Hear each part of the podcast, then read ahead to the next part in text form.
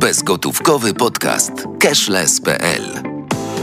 Tu znajdziesz najważniejsze informacje na temat bankowości elektronicznej, płatności mobilnych, zmieniających się regulacji, bezpieczeństwa transakcji i nowych technologii, a także wydarzeń popularyzujących obrót bezgotówkowy. Swoją wiedzą na łamach cashless.pl dzielą się eksperci, doświadczeni dziennikarze, pasjonaci technologii. Słuchając bezgotówkowego podcastu dostajesz solidną porcję wiedzy i informacji. Witam Państwa w kolejnym odcinku bezgotówkowego podcastu Cash.pl. Dzisiaj z zaproszonymi przeze mnie gośćmi porozmawiam o dobroczynności fundraisingu, a właściwie nie o samej dobroczynności, ale o tym, jak różne bezgotówkowe rozwiązania płatnicze mogą w tej dobroczynności pomagać. A moimi gośćmi są Zbigniew Wiśniewski, wiceprezes Fundacji Polska Bezgotówkowa. Dzień dobry. Dzień dobry, witam Państwa. Elżbieta Burlika, dyrektorka do spraw rozwoju Fiserv Polska. Dzień dobry. Dzień dobry bardzo. Oraz Krzysztof Adamski, prezes spółki Better Post i pomysłodawca projektu Donateo. Dzień dobry. Witam, Witam serdecznie. Do dzisiejszej rozmowy zainspirowały mnie wyniki badania Dobroczynność zdaniem Polek i Polaków, co zachęca, a co jest barierą, które zostały kilka dni temu opublikowane przez Fundację Polska Bezgotówkowa. Zaciekawiły mnie tam dwie informacje. Po pierwsze, znaczna część badanych stwierdziła, że gdyby datki na jakiś cel można było przekazać bezgotówkowo, to skłoniłoby to ich do wpłacania większych kwot. E, no i ponad jedna trzecia ankietowanych chciałaby też dawać na tacy lub płacić za posługę duchowym za pomocą karty. E, badanie e, zostało, jak powiedziałem, przeprowadzone na zlecenie Fundacji Polska Bezgotówkowa, więc zaczniemy może od pana prezesa Wiśniewskiego. Co jeszcze wynika z tego badania? Jak nowe formy płatności zmieniają w Polsce dobroczynność? Bardzo dziękuję panie redaktorze za to pytanie. Może tylko jedno, jedno uzupełnienie. Znaczy fundacja rzeczywiście przedstawiła wyniki badań, przy czym e, dobroczynność zdaniem Polek i Polaków e, to było, to było badanie przeprowadzone e, przez Instytut Badawczy ABR-SESTA wspólnie z kilkoma instytucjami dobroczynnymi. I tutaj rzeczywiście my w wypowiedziach, w materiałach, które były publikowane, nawiązaliśmy do tego badania, a niezależnie od tego było drugie badanie, które na zlecenie Fundacji Polska Bezgotówkowa e, przeprowadził butik e, badawczy Maison Partners. I to było badanie, które też jakby dotyczyło kwestii, gdzie Polakom dzisiaj brakuje jakby miejsc, czy gdzie, gdzie czują, że mogliby płacić bezgotówkowo, a takiej możliwości nie mają. W związku z tym, to jakby z tych dwóch badań E, dane e, tutaj prezentujemy. Przy czym jeśli chodzi o, o, to, o to pierwsze badanie, czyli dobroczynność zdaniem Polek i, i Polaków, tam faktycznie było takie, takie, takie odniesienie do tego, że 26% ankietowanych stwierdziło, że dla nich czynnikiem motywującym do zwiększenia przekazywanych środków byłaby, byłaby możliwość wyboru formy płatności, płatności bezgotówkowej i to w trybie online. Y, natomiast w tym badaniu przeprowadzonym na zlecenie Fundacji Polska Bezgotówkowa, tam, tak jak powiedziałem, było zadane to pytanie odnośnie, gdzie brakuje możliwości płacenia e, bezgotówkowego. I tutaj jakby te, te, te, te kwestie przekazywania środków przez, przez Polaków, one się pojawiły w dwóch miejscach. Po pierwsze, tak jak pan redaktor wspomniał, e, jakby kwestia przekazywania środków na tacy, czy, czy, czy, czy przekazywania związkom wyznaniowym, a druga generalnie to w czasie akcji prowadzonych przez instytucje charytatywne i 28% ankietowanych właśnie stwierdziło, że brakuje im możliwości płatności bezgotówkowych e, w czasie akcji e, prowadzonych przez instytucje charytatywne. Natomiast ja myślę, że tak naprawdę te, te wyniki nie powinny specjalnie dziwić, bo po pierwsze no, cenimy wygody i mam wrażenie, że wygoda ma dla nas duże znaczenie, a, a płatność bezgotówkowa jednak jest wygodna i daje możliwość skorzystania nawet wtedy, kiedy nie mamy przy sobie gotówki, ale też kwestia dostępności.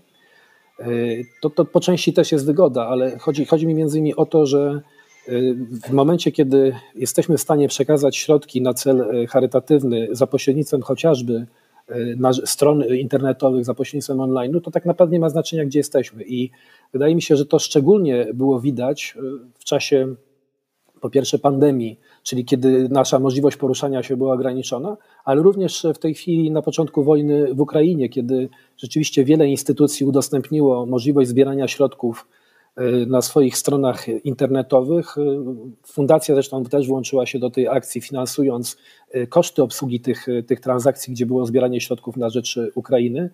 No i tutaj zgodnie z informacjami naszych partnerów, naprawdę bardzo znaczący, zauważalny udział w tych płatnościach to były płatności przekazane przez cudzoziemców, czyli osoby, gdyby, gdyby ta puszka stała nie wiem, przy wejściu do hipermarketu w Polsce, no zdecydowanie tam tych środków y, nie byliby w stanie y, wrzucić. Także widzimy, że to zainteresowanie y, przekazywaniem środków na cele charytatywne rośnie i na pewno udostępnianie nowych kanałów przekazywania tych środków no może, może tak naprawdę do tego tylko zachęcić.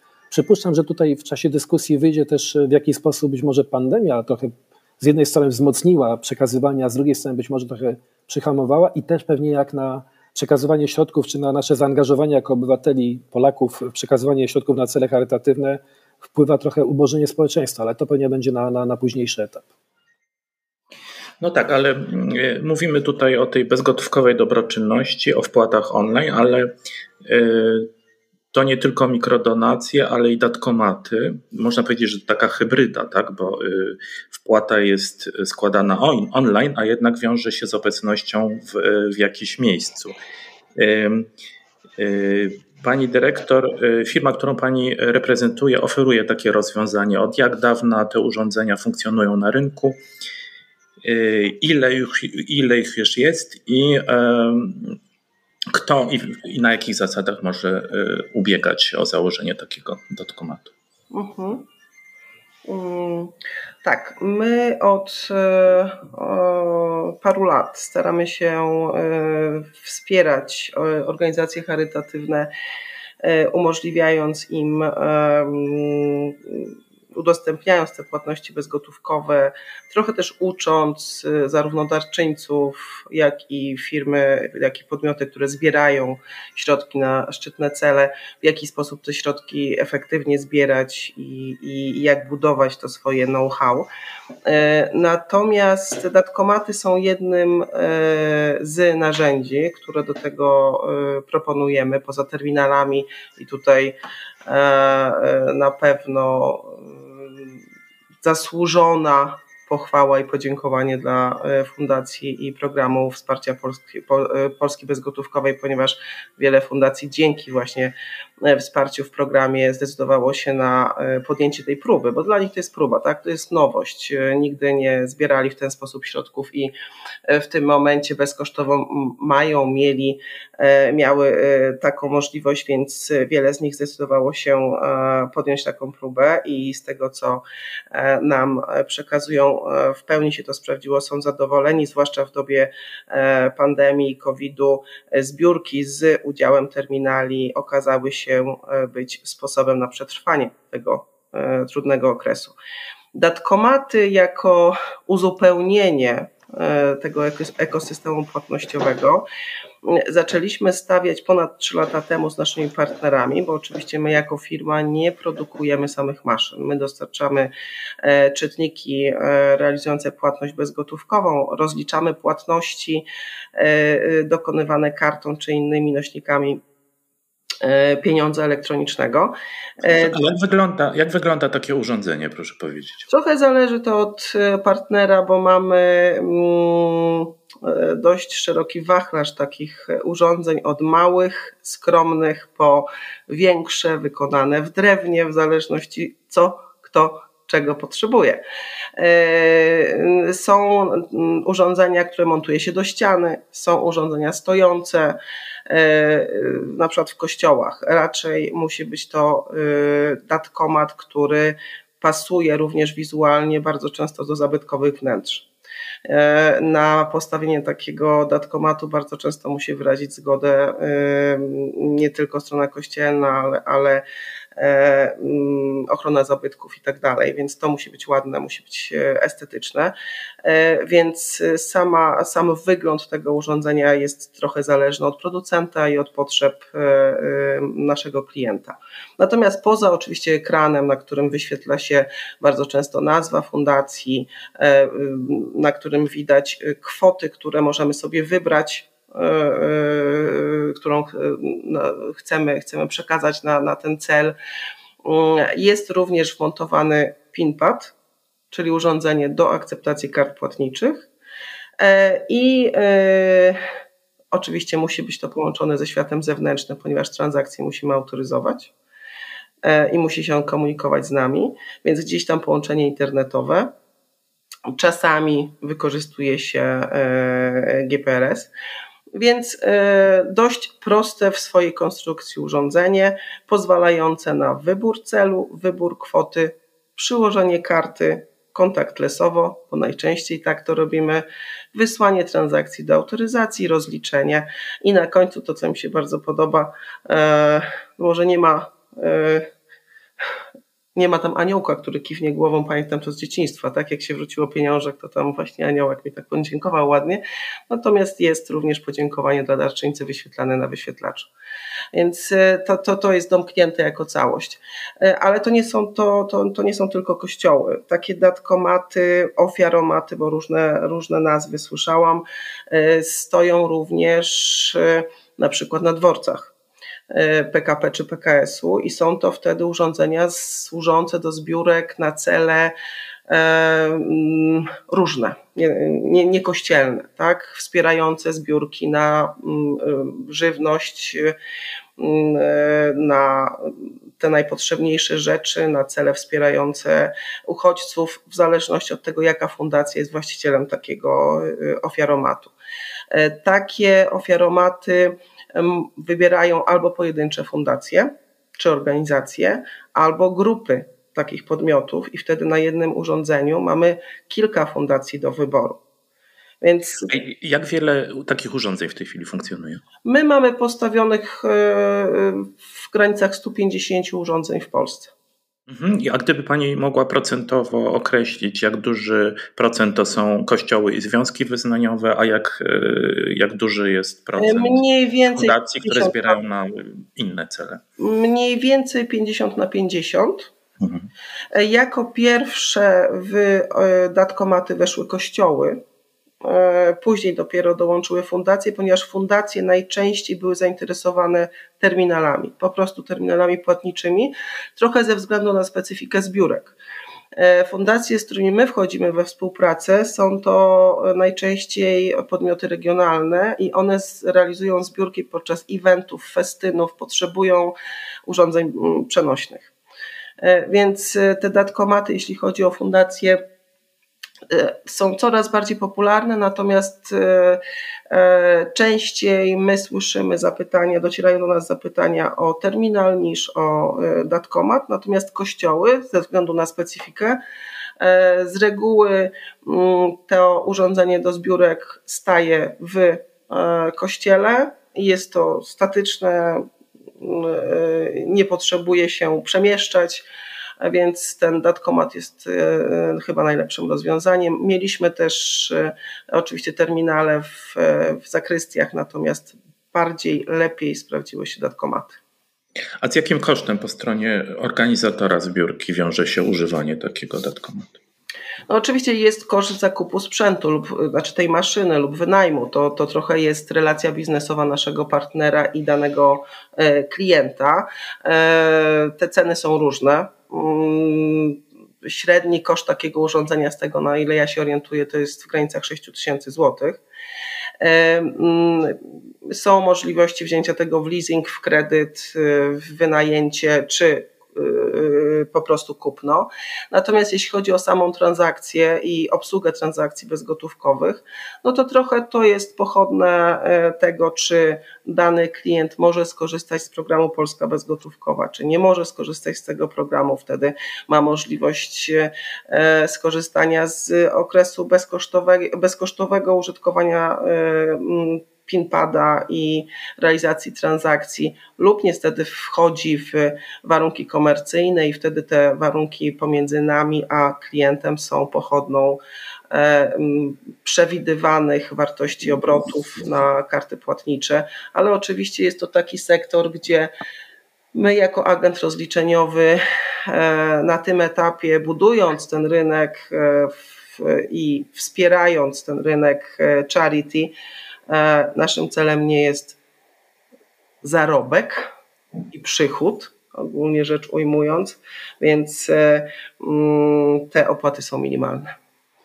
Ja może bym jeszcze dodał tutaj słowo do tego, co Elżbieta powiedziała, bo Fundacja e, w tym roku teraz uruchomiła też taką specjalną dodatkową akcję dodatkowego wsparcia finansowego właśnie datkomatów, które e, przez agentów rozliczeniowych będą instalowane, czyli poza tradycyjnym dofinansowaniem z programu, który normalnie funkcjonuje i do którego się Ela też przed chwilą odwołała, jeszcze też istnieje możliwość pokrycia albo całości, albo większości kosztów właśnie związanych z zakupem tego urządzenia, więc też widzimy, że to jest taki kierunek, który jest bardzo ważny.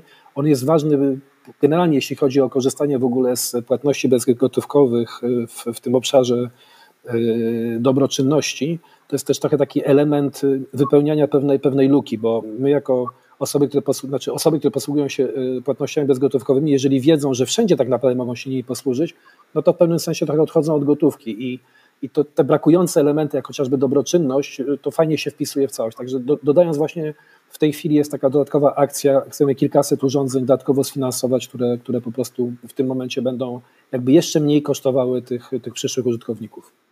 Mhm. Jest z nami pan Krzysztof Adamski, jak już powiedziałem, prezes spółki Better Post i pomysłodawca projektu Donateo. Y, to skorzystam z okazji i chciałbym zapytać o, o ten projekt, y, jak on się rozwija i w jaki sposób y, można wpłacać pieniądze, na jakie cele za pomocą tego rozwiązania. E, tak, jestem, witam serdecznie. E, tak, nasz projekt Donateo, bo to jest jakby projekt, który mm, jest skupiony na pozyskiwaniu, tworzeniu technologii do pozyskiwania funduszy dla organizacji tego typu jak e, fundacje czy stowarzyszenia, czy też e, organizacje kościelne. E, Donateo jakby dostarcza datkomaty, ofiaromaty, dostarcza technologię płatniczą w obszarze e-commerce, dostarczamy rozwiązania mikrodonacji na terminalach płatniczych w retailu, ten wachlarz jakby u nas tych produktów jest dość szeroki. E, może jakby nawiązując jeszcze do tej wcześniejszych wypowiedzi, jeżeli chodzi o kościoły, mamy również takie rozwiązanie, które dostarczamy do kościołów. Jest to u nas niszowy produkt, bo jednak mamy e, głównie nacisk na mm, rozwiązania NGS-owe. Jest to produkt prosty, tak jak tutaj Ela wcześniej też wspomniała produkt, który ma szybko y, dać możliwość wpłacenia pieniędzy. Takie rozwiązanie mamy też właśnie, tak jak Ela powiedziała, w formie standów, e, ale też mamy rozwiązanie, które możemy puszczać, y, mm, nazwijmy to, w, w, jak to powiedzieć, na ławę do, wśród y, wiernych, żeby faktycznie taki terminal w formie samoobsługowej mógł być obsługiwany przez wiernych i w sposób szybki mogli wpłacać pieniądze. E, bezproblemowy, bo jakby wiemy, że taki tradycyjny terminal, on no, trzeba jakby mieć jakąś tam e, wcześniejszą styczność z takim urządzeniem. E, więc w związku z tym my stworzyliśmy rozwiązanie mobilne też, takiego ofermatu mobilnego, aby ułatwić te wpłaty. To jest no jedna. Mnie, bardziej interesują kwestie, bo kościoły już omówiliśmy bardzo mhm. szeroko. Wiadomo, że one potrzebują, y, kościoły i związki wyznaniowe potrzebują wsparcia. Natomiast wspomniał Pan o tych NGO-sach i to, to, to jest y, szczególnie interesujące, no bo tutaj jakby filantropia pierwsze, co mamy na myśli, to nam się kojarzy właśnie z y, i czy dobroczynność z organizacjami kościelnymi, ale przecież w definicji samej filantropii jest także y, są także bezinteresowne działania mające na celu wspieranie reform czy, czy zmian społecznych, prawda? Więc gdyby Pan mógł powiedzieć o tej, o tej części Państwa działalności. E, tak, my jako Donateo skupiamy się na wsparciu organizacji dobroczynnych. Myślę, że to jest taka definicja dość szeroka, e, która pozwala wspierać szeroki zakres e, na fundacjach ekologicznych i edukacyjnych. To są jakby takie obszary, w których my się dzisiaj poruszamy, które wspieramy. Jeżeli chodzi o nasze jakby rozwiązanie, które dzisiaj już y, działa i jakby jest pierwszym rozwiązaniem, które też wprowadzaliśmy na rynek w 2020 w grudniu, e, to są datkomaty. Stworzyliśmy własną, chyba pierwszą sieć e, datkomatów bo mamy ich około 500 w tym momencie. I to jest takie rozwiązanie, które wprowadzaliśmy na szeroką skalę, aby dostarczyć urządzenie Datcomat w miejscu, gdzie płatnik ma, wyciąga karty, robi zakupy i może przy okazji tego wpłacić datek wybrać sobie kwotę i od razu przyłożyć kartę i wy, e, wykonać transakcję na rzecz wybranej przez siebie organizacji. Bo w naszych datkomatach jest tych organizacji kilka, już w tym momencie chyba ponad 10, 10-15 organizacji, które mamy w różnych kategoriach, my to skategoryzowaliśmy. I jakby sam darczyńca ma możliwość wyboru w płatności i te pieniądze, to co jest najważniejsze, e, trafiają bezpośrednio na konto fundacji. No dobrze, ale jak to praktycznie wygląda? Ja jestem y, w sklepie y, i jak ja mam się zorientować, że, że, że jest taka możliwość i, i co muszę zrobić? E, w naszym założeniu i tak jakby staraliśmy się, że te urządzenia mm, wstawiać zaraz obok, w, najbliższym możliwym e, położeniu terminala płatniczego. Tak, w momencie, kiedy płacę, ma, widzę, y, obok jest terminal, który on jest cały czas y, włączony i to jest, my akurat używamy urządzeń androidowych z dużym wyświetlaczem, tam jest sześciocalowy ekran dotykowy, e, który świeci nam w oczy zaraz przy, przy płatności. E, w związku z tym tam widzimy, jest oczywiście jeszcze jakieś dodatkowe materiały POS, które mówią nam, że tu możemy wpłacić w bardzo szybki sposób. E, więc jakby ten proces staraliśmy się maksymalnie skrócić i jakby dotrzeć do tego miejsca, gdzie klienci wyciągają pieniądze i żeby mm, wejść w ich e, codzienność, tak? Robimy zakupy i to jest nasz przy okazji możemy e, dokonać datku, tak żeby nie musieć gdzieś indziej wychodzić. Mogę to zrobić tam, gdzie robię zakupy. To było nasze pierwsze założenie, pierwszy projekt, który zrealizowaliśmy. On ewoluował w przeciągu tego ostatniego roku do miejsca, gdzie e, ta płatność odbywa się na tym samym terminalu, co płatność podstawowa. I, to jest ewolucja, którą w tym momencie wprowadziliśmy. To są mikrodonacje, o których dość dużo mówimy w tym momencie, mikro, mikrofilantropia. E, coś, co chcemy w tym momencie w Polsce wprowadzić i tworzyć tą kulturę dobroczynności poprzez małe gesty, małe, ale codzienne, e, bo myślę, że to są mikrodonacja, to są kwoty pomiędzy złotówką a pięcioma złotymi. To jest e, transakcja, która jest wyliczana na podstawie tej transakcji podstawowej, czyli naszych zakupów. Jeżeli wydajemy większą kwotę, to ten, mm, ten datek będzie maksymalnie do 5 zł, bo przeliczany procentowo. E, w związku z tym my tutaj widzimy, że wielu ludzi, ta, ta forma mikrodonacji dla wielu ludzi jest dla nich to coś komfortowego i ludzie chcą dawać. No dobrze, e, rozumiem, że w tym pierwszym przypadku widzimy Y, rodzaj y, okienka stędu, gdzie, gdzie jest informacja, że możemy wpłacić. A jak się dowiadujemy w tym drugim przypadku, o którym Pan mówi, że płaci się na terminalu, w którym się płaci za zakupy? Czy nas informuje o tym kasjer, czy, czy w jakiś inny sposób to się, się o tym dowiadujemy? Mm, nasze rozwiązanie mikrodonacji jest rozwiązaniem zdigitalizowanym. Staraliśmy się, żeby absolutnie E, w każdym naszym rozwiązaniu ominąć jakby ten czynnik ludzki. Oczywiście w przypadku e, rozwiązań na terminalu, na pinpadzie w retailu jest to forma zapytania, czyli w momencie, kiedy kończymy zakupy, e, kasjer nas pyta, czy gotówką, czy kartą. Odpowiadając kartą, na terminalu pojawia nam się zapytanie, w którym mamy, czy chcemy przekazać datek na, przekazać kwotę konkretną, tam jest kwota 5 zł, na rzecz organizacji Banki Żywności. Mm, klikamy, mamy tutaj możliwość odpowiedzenia na to tak, zielony, nie, czerwony. E, I to jest zawsze decyzja card holdera, tak, płatnika, który e, stoi przed tym terminalem. Po wyborze płatności, że chcę doliczyć ten datek, przykładamy kartę, można to, my to nazywamy long tab, można dłuższe przyłożenie wykonać lub dwa osobne przyłożenia, ale jakby w, w systemach płatność widnieje to jako dwie separowane transakcje. To znaczy, że pierwsza transakcja e, za zakupy trafia do mm, retailowca, a druga transakcja datku trafia bezpośrednio na konto fundacji. I to też również to widzimy w naszym banku, że zapłaciłem na rzecz mm, organizacji dobroczynnej, a nie do danej sieci. Czyli otrzymamy dwa powiadomienia o, y, o udanych transakcjach, tak? Zgadza się. Powinniśmy dostać dwa, dwa powiadomienia. I gdzie te pieniądze, y, mówił Pan, że to już jest kilkaset y, takich miejsc, w których można w ten sposób składać te mikrodonacje. Gdzie, czyli gdzie, gdzie to w tej chwili można robić i do jakich konkretnie organizacji te pieniądze trafiają?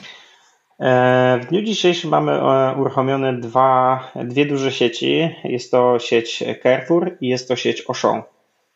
E, w tych dwóch sieciach można doświadczyć mikrodonacji, można przekazać datek w Carrefourze, można przekazać datek na organizację Polska Akcja Humanitarna. W Auchan można przekazać datek na banki żywności, na Federację Polskich Banków Żywności. I to rozwiązanie już w tym momencie działa. Ludzie wpłacają i to działa od dwóch miesięcy. Dotarliśmy do ponad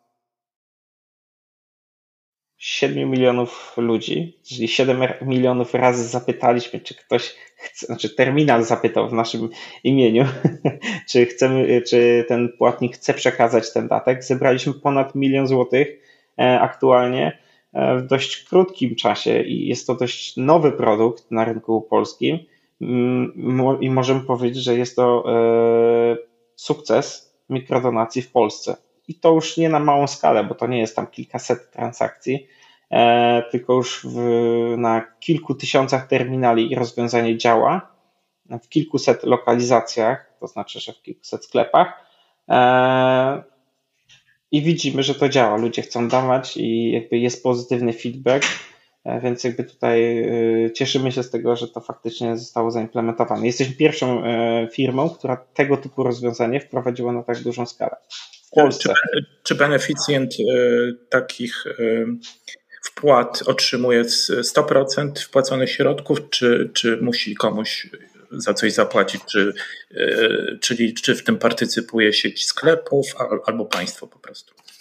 E, nasz model od samego początku, e, gdzie długo pracowaliśmy nad technologią, zakładał, że my nigdy jako Donateo, jako Betterpos nie chcemy przyjmować pieniędzy, donacji na swoje konto albo być pośrednikiem w przekazywaniu. W związku z tym jakby doszliśmy do, do takiego momentu, że chcemy, żeby to ta technologia zrobiła za nas tą pracę. E, w związku z tym pieniądze zawsze idą bezpośrednio na rzecz e, merchanta, czyli tutaj w tym przypadku fundacji. One idą bezpośrednio. Jeżeli chodzi o to, czy są potrącone środki, to wszystko względem e, umowy pomiędzy merchantem, czyli fundacją, a e, agentem rozliczeniowym, bo każda ta umowa inaczej wygląda. E, jesteśmy, my de facto tylko przeprowadzamy tą fundację. Ona jest typowym merchantem e, u tego agenta. Przechodzi pełny proces weryfikacji. I jakby tutaj retailowiec nie partycypuje. Retailowiec faktycznie daje najlepszą możliwą lokalizację, jeżeli chodzi o możliwość przekazywania datku. Rozumiem. Ale, Rozumiem. Panie prezesie, e, e, ja do, zwracam się do pana prezesa Wiśniewskiego. Czy fundacja również e, oferuje możliwość dotowania tego rodzaju wpłat, jeśli chodzi o koszty, o pokrywanie kosztów transakcji? Znaczy, fundacja w modelu, w którym działa, po pierwsze finansuje transakcje, które są przeprowadzone przez punkty czy akceptantów, którzy jakby spełnili warunki y, uczestnictwa w programie. To trochę też to, co Elżbieta wcześniej mówiła o kwestii y, tych datkomatów, tak? czyli, czyli podmiotów, które z nich korzystają, czy spełniają, czy nie. Y, czyli mówimy w tym momencie o okresie nieprzyjmowania wcześniej płatności bezgotówkowych w okresie poprzedzającym 12 miesięcy. No i to, co w tej chwili też przekazujemy, to przekazujemy jedno jakby finansujemy jedno urządzenie na umowę i do określonego obrotu. W związku z tym przy powiedzmy dużych skalach, jak tutaj przed chwilą było powiedziane, Y, no to program takich, takich po prostu y, takich akcji nie obejmie właśnie ze względu między innymi na tą limitowaną liczbę urządzeń per umowa, które fundacja dofinansowuje. Natomiast w tym roku uruchomiliśmy inną akcję, ona cały czas jeszcze funkcjonuje, cały czas jeszcze trwa. Mianowicie fundacja podjęła się finansowania kosztów finansowych transakcji, właśnie transakcji dobroczynnych czy, czy transakcji wpłacania środków przy pomocy kart płatniczych na rzecz Ukrainy.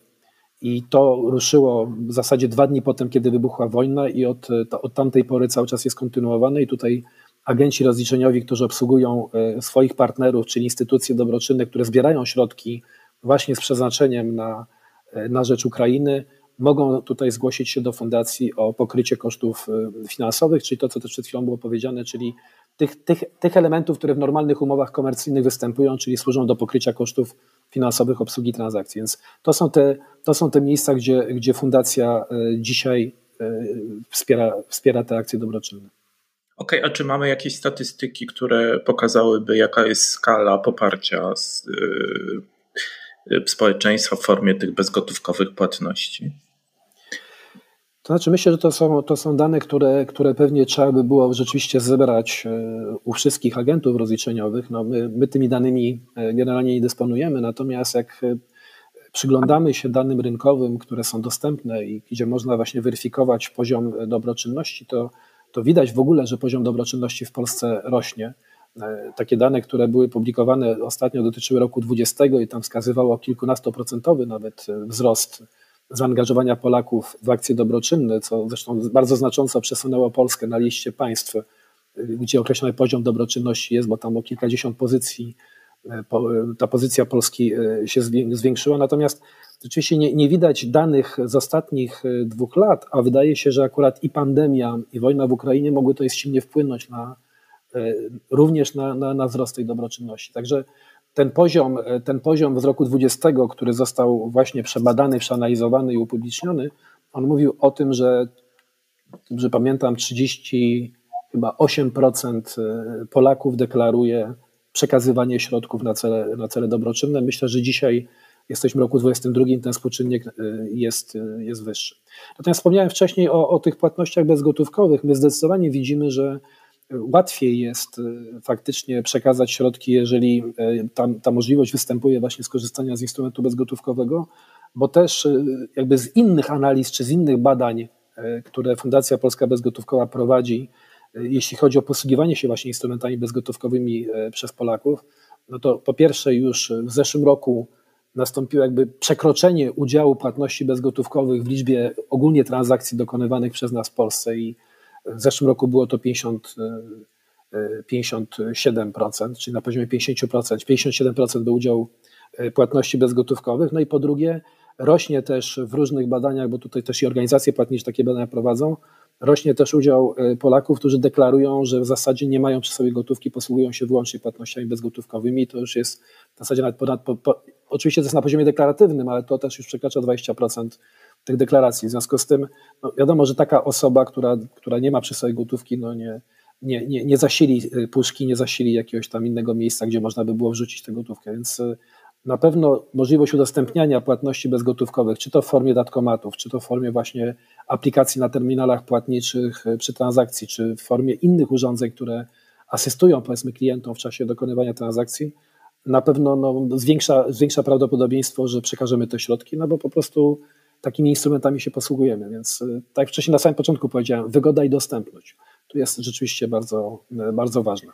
Jeśli mogłabym tutaj dodać coś y, do tego tematu, to dostępność i wygoda na pewno zwiększają popularność tych zbiórek z wykorzystaniem pieniądza cyfrowego. Natomiast ja myślę również, że chodzi o wiarygodność e, bo klienci nasi, e, właśnie te fundacje czy podmiotu typu nawet Straż Pożarna, która coraz częściej bierze właśnie terminale w kontekście zbiórek, prowadzenia zbiórek, E, e, dzielą się z nami e, swoimi opiniami i wrażeniami i bardzo często podnoszą element bezpieczeństwa i uwiarygodnienia zbiórki. W momencie, kiedy mamy terminal, to duże prawdopodobieństwo, że podmiot jest, jak gdyby jest bardzo prawdopodobne, że podmiot, który dokonuje zbiórki, jest zweryfikowany przez agenta płatniczego. To nie jest nikt anonimowy, który stoi z puszką, który z, naklejonym naz, z naklejoną nazwą tam celu, czy, czy powiedzmy nazwą podmiotu. Natomiast no, mając terminal, mogę przypuszczać, że został ten podmiot sprawdzony. Czyli mnie osobiście też to pomaga y, podjąć tą decyzję o dokonaniu wpłaty. E, to jest jedno, czyli ta wiarygodność. Druga, e, drugi element, na który zwracają nam uwagę nasi, nasi klienci z tego sektora, to terminal e, otwiera portfel, tak trochę w przenośni. Imprezy typu festyny, eventy, zbiórki specjalne, gdzie są terminale, a bardzo często, tak jak pan prezes powiedział, pan Zbigniew, e, są ludzie, którzy już nie noszą gotówki, ale zawsze mają ze sobą telefon. Pozwala dokonać wpłaty z użyciem tego telefonu. Poprzez przyłożenie telefonu do terminala możemy dokonać wpłaty. Tak? Ilość zbieranych środków wzrasta, średnia wartość transakcji e, e, na takich zbiórkach wzrasta.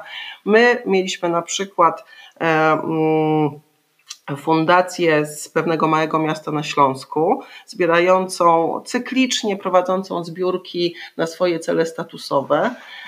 Tak zwane to były, to były panie Amazonki, i one nam powiedziały, że terminal pozwolił przetrwać ostatnie dwa lata, a wartość zbiórki versus wcześniej dokonywanych tylko i wyłącznie gotówkowo rocznie była wyższa o 60%.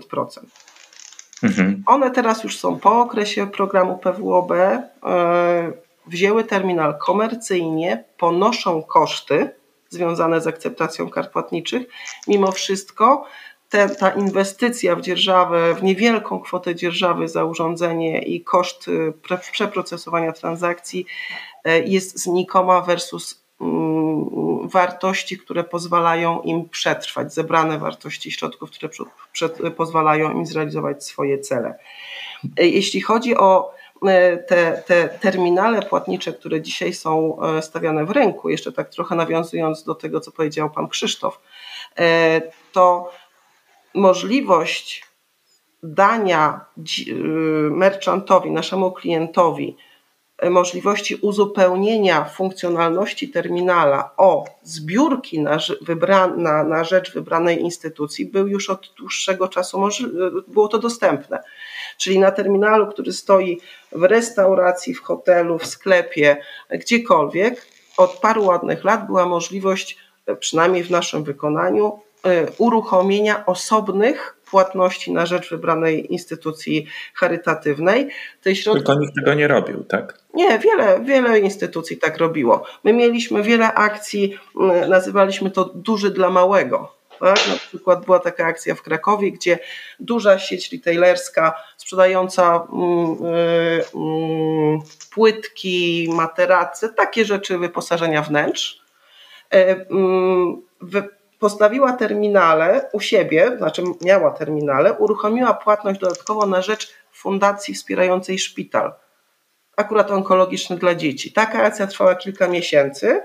Oczywiście oni się zaangażowali w promocję tej akcji itd., tak itd. Tak Natomiast y, odzew był niesamowity. Y, wiadomo, średnia wartość transakcji sprzedażowej w takim punkcie jest dość wysoka.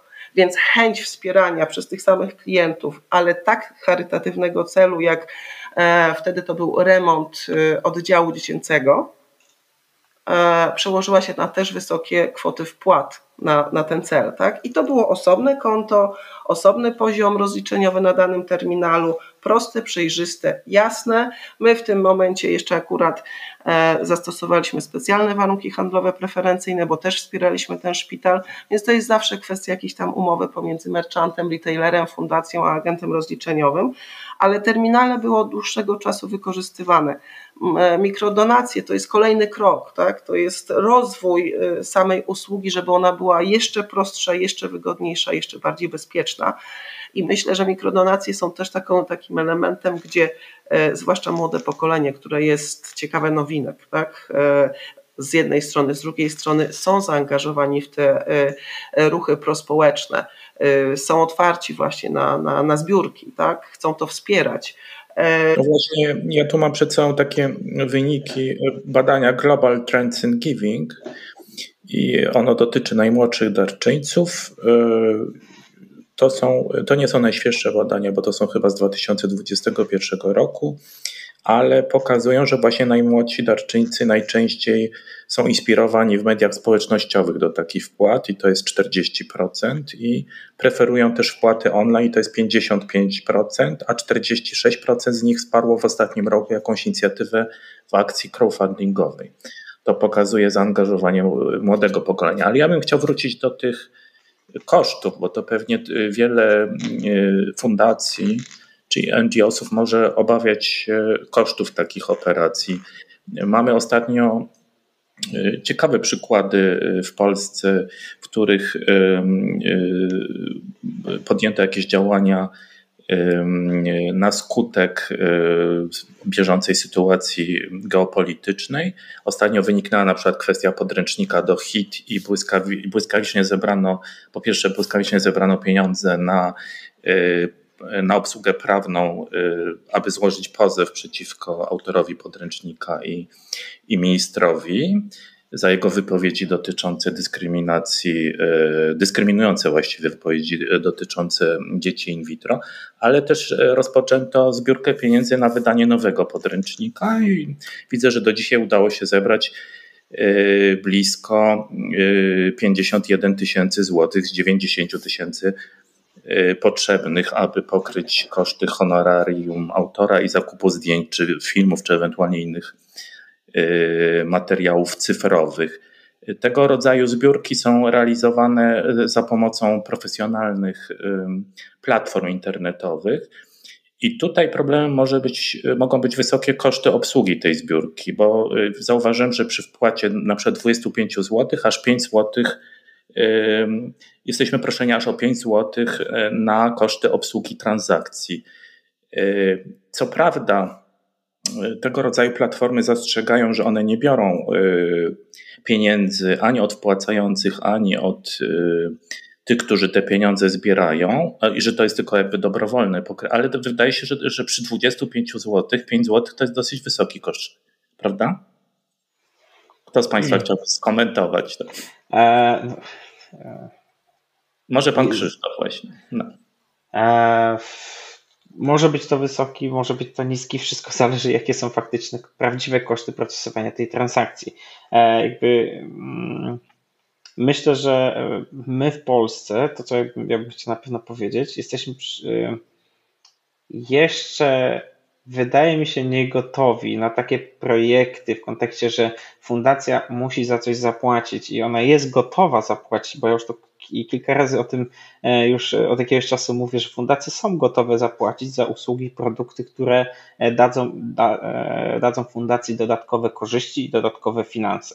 Takie projekty jak Donateo istnieją w, w UK, czy we Francji, czy w Hiszpanii i tam normalnie fundacje nawet już mówią, jaka, jaki procent, jaka, że to ta firma pośrednicząca E, bierze wynagrodzenie za dostarczenie technologii dostarczenie takiego rozwiązania dla fundacji.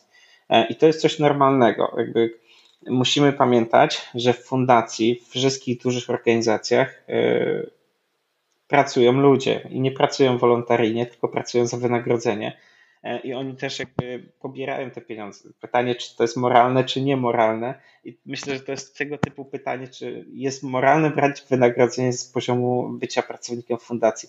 Myślę, że jest to jak najbardziej odpowiednie, więc jak najbardziej firmy, które dostarczają usługi mm, rzetelnie, e, wykonują swoją pracę i jakby umawiają się z fundacją, i fundacja akceptuje pewien poziom kosztów, bo my rozmawialiśmy z fundacjami i jakby można w tym okresie e, rozwijania naszych usług i rozwijania naszego produktu zmieniały nam się modele finansowe, mm, bo one były gorsze i później staraliśmy się coraz bardziej to udoskonalać, bo nie wiedzieliśmy też, jak ten produkt będzie działał.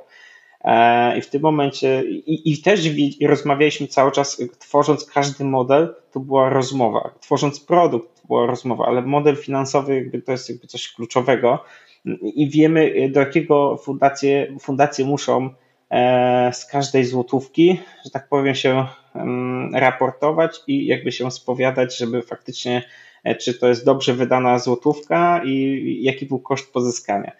I tutaj wiemy, że one też jakby fundraiserzy muszą e, o tym wiedzieć, cała fundacja musi akceptować pewien poziom kosztów e, pozyskania. My ten jakby ten nasz model, który my wypracowaliśmy, też jakby chodzi o techniczne, że pieniądze trafiają bezpośrednio na konto fundacji, jest akceptowalny i zaakceptowany przez e, organizacje, z którymi współpracujemy. A są to największe organizacje w Polsce, jedne z największych. W związku z tym tutaj ten, to pytanie myślę, że jest trudne nie, nie można jednoznacznie na nie odpowiedzieć, czyli czy 5 zł jest dużo. Pytanie, co. Znaczy, 5, co... Przepraszam, 5 przy 25 zł wpłaty. To, to Okej, okay, tak, tylko 5 zł, czy to jest dużo, yy, mówimy o koszcie, czy to jest, czy ta, yy, ta platforma zajęła się całkowitym kosztem marketingowym, czy nie? Bo to też jest pytanie. Czy tutaj jakby oni nic nie zrobili i po prostu ta zbiórka jest? Jakby to są wiele pytań, na których myślę, że my z, z boku nie widzimy, bo jeżeli fundacja dostaje 20 zł z 25, a nic nie musiała zrobić w kontekście nie wykonała żadnej pracy, a ta platforma poniosła wszystkie koszty z kampanią, z, z marketingiem i z całą komunikacją, to wydaje mi się być to mało. Nie, nie, ja to, ja to Panie redaktorze, chciałem... jeśli można, bo ja, ja myślę, że tak. Ja tylko chciałem wyjaśnić od razu, że fundacja dostała 25 zł spłaconych 25 zł, bo ta kwota opłaty jest opcją dodatkową, którą ktoś okay. może zaznaczyć lub nie, więc żeby mi nikt nie zarzucił, że ja tutaj oskarżam, zresztą łatwo sprawdzić, gdzie są zbierane pieniądze na te cele, o których przed chwilą mówiłem, więc y, żeby być uczciwym, to jest absolutnie dobrowolna opłata. Natomiast nie wiem, czy wszędzie jest ona dobrowolna. Tak, panie prezesie, pan Nie, ja tylko chciałem, ja tylko chciałem właśnie jakby trochę włączając się do tej, do tej dyskusji, że po pierwsze oczywiście pewnie istotne jest, czy to jest 5 zł stałej opłaty, niezależnie od kwoty, czy to jest 5 zł właśnie jako od wartości, tak, w tym momencie ad valorem, czyli typu właśnie 20%, jakby tu można było liczyć. Ja myślę, że w sytuacji, w której to jest dobrowolna wpłata ze strony darczyńcy na to, żeby utrzymać platformę i żeby ona funkcjonowała, ale on jej nie musi wnieść, no to ona jest rzeczywiście niekoniecznie powiązana w tym momencie z kosztami. To jest w pewnym sensie darowizna. Natomiast pamiętajmy, jeśli chodzi o sam mechanizm rozliczania e, kosztów, w momencie, kiedy one się kiedy one są obsługiwane, nazwijmy to na, na warunkach w pewnym sensie komercyjnych, ale przez komercyjne rozumiem e, pokrycie kosztów wszystkich podmiotów, które w tym procesie uczestniczą, no to pewnie musimy mówić tak naprawdę o dwóch grupach kosztów, bo jedna grupa to jest to, co jest związane z obsługą kosztów finansowych samej transakcji płatniczej, czyli tej transakcji bezgotówkowej. I to jest to, co wcześniej wspomniałem, że w przypadku na przykład zbiórek na rzecz Ukrainy Fundacja podjęła decyzję, że te koszty finansowe jakby zrefunduje w tym momencie yy, tym, tym, tym podmiotom, które, które obsługują i które ponoszą w związku z tym yy, koszty. To jest jakby, jakby, jakby jedna rzecz, czyli koszty finansowe związane z obsługą transakcji, na to się składają e, koszty wydawców, koszty, koszty organizacji, które, które przetwarzają te transakcje, agentów rozliczeniowych, którzy e, muszą też zabezpieczyć, zadbać o bezpieczeństwo tych transakcji i ponieść w związku z tym koszty. A myślę, że druga grupa kosztów, która w tym momencie występuje, to są właśnie te, o których tutaj przed chwilą Pan Prezes wspomniał, czyli koszty związane z e, platformami, które te środki zbierają. Tak? Te wszelkie koszty i operacyjne, i funkcjonowania samej platformy, koszty marketingowe czy jakiekolwiek inne by nie, nie wchodziły w grę. Więc tak naprawdę, te, te, jeżeli mówimy o, o czymś, gdzie nie występuje pokrycie tych kosztów przez instytucję jakąś trzecią, albo kiedy te instytucje nie biorą tego na siebie, to to mówimy o tych dwóch grupach kosztów, tak? czyli koszty przypisane bezpośrednio do transakcji płatniczej, które muszą być rozliczone i dodatkowo koszty związane z samym funkcjonowaniem platformy tej, tej która zbiera środki, tak? tej, która jest udostępniona e, Polakom, żeby mogli te środki wpłacać. Rozumiem, czyli to, y, tych kosztów właściwie mm, fundacje nie powinny się bać, bo jak przed chwilą usłyszeliśmy, y, y, te, te benefity płynące z wykorzystywania płatności online czy płatności bezgotówkowych, tak jak pani Elżbieta przed chwilą mówiła, znacznie przerastają to, co trzeba zainwestować w urządzenie czy w obsługę tego urządzenia.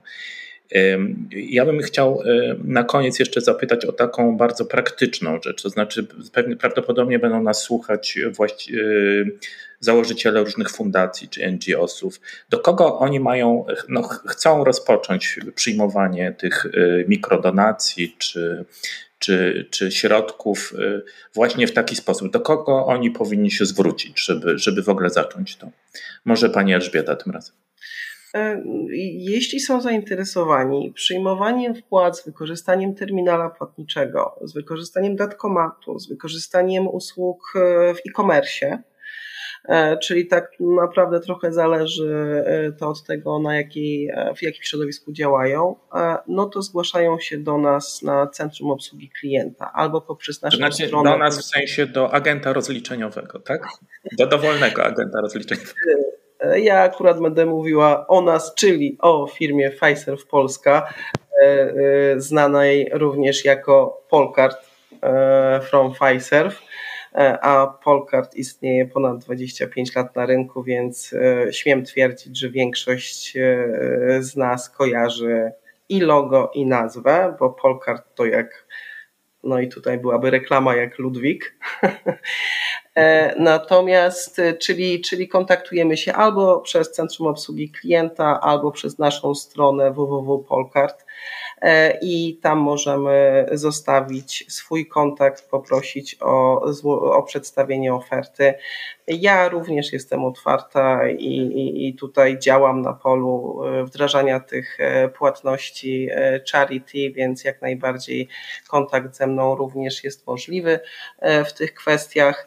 E, jeśli ktoś będzie zainteresowany terminalem, no to jest to prostsze, bo wszystko e, wy, wykonujemy w ramach jednej firmy, naszej firmy, oferujemy i sprzęt, i e, procesowanie transakcji. Jeśli trzeba będzie zaoferować datkomat, no to wybierzemy, wskażemy partnera zewnętrznego, skomunikujemy, dostosujemy ofertę do potrzeb i wdrożymy płatności. Podobnie jeśli chodzi o e-commerce, jest to wszystko udostępniane przez nas, więc w ramach jednej umowy e, nasz klient może otrzymać e, realizację płatności charity w terminalu, e, w e-commerce, w aplikacji mobilnej lub w, datkomat, w datkomacie, w ofiaromacie.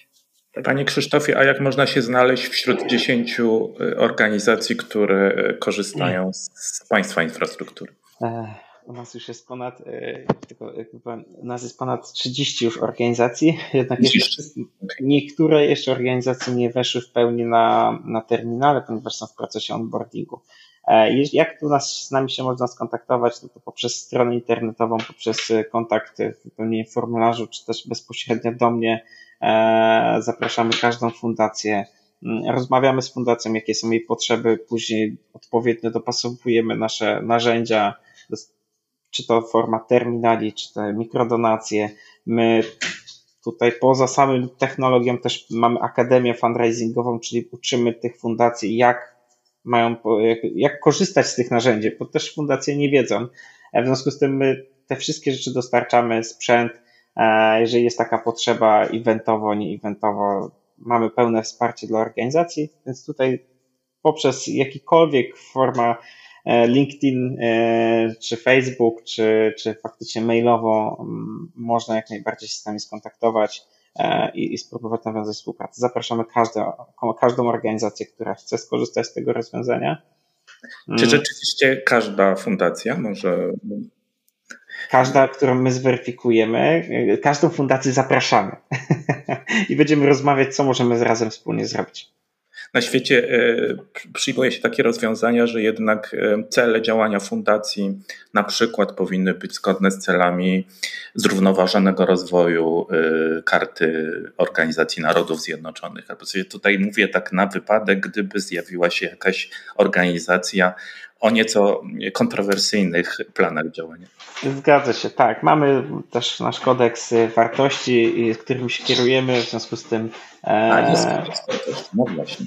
Tak, tak, tak, tak. Więc w związku z tym to też jest jakby element weryfikacji rozmów e, na tym etapie bardziej e, miękkim, merytorycznym, bo później jak już przechodzimy do onboardingu takiej fundacji, do, do agenta rozliczeniowego, to tam już jest mało merytorycznie, jest bardzo finansowo i e, praktycznie, więc tam bardzo jakby jest weryfikacja, można powiedzieć, drugiego stopnia, tej fundacji. Więc tutaj jakby, e, ale na początek rozmowa e, i jakby sprawdzenie, jakie są potrzeby. My jako też organizacja Donateo nie dostarczamy samych narzędzi. To jest też istotne, tak jak powiedziałem o Akademii. E, my też e, uruchamiamy teraz w tym momencie e-commerce, więc my też jesteśmy w stanie dostarczyć kanały finansowania dla organizacji.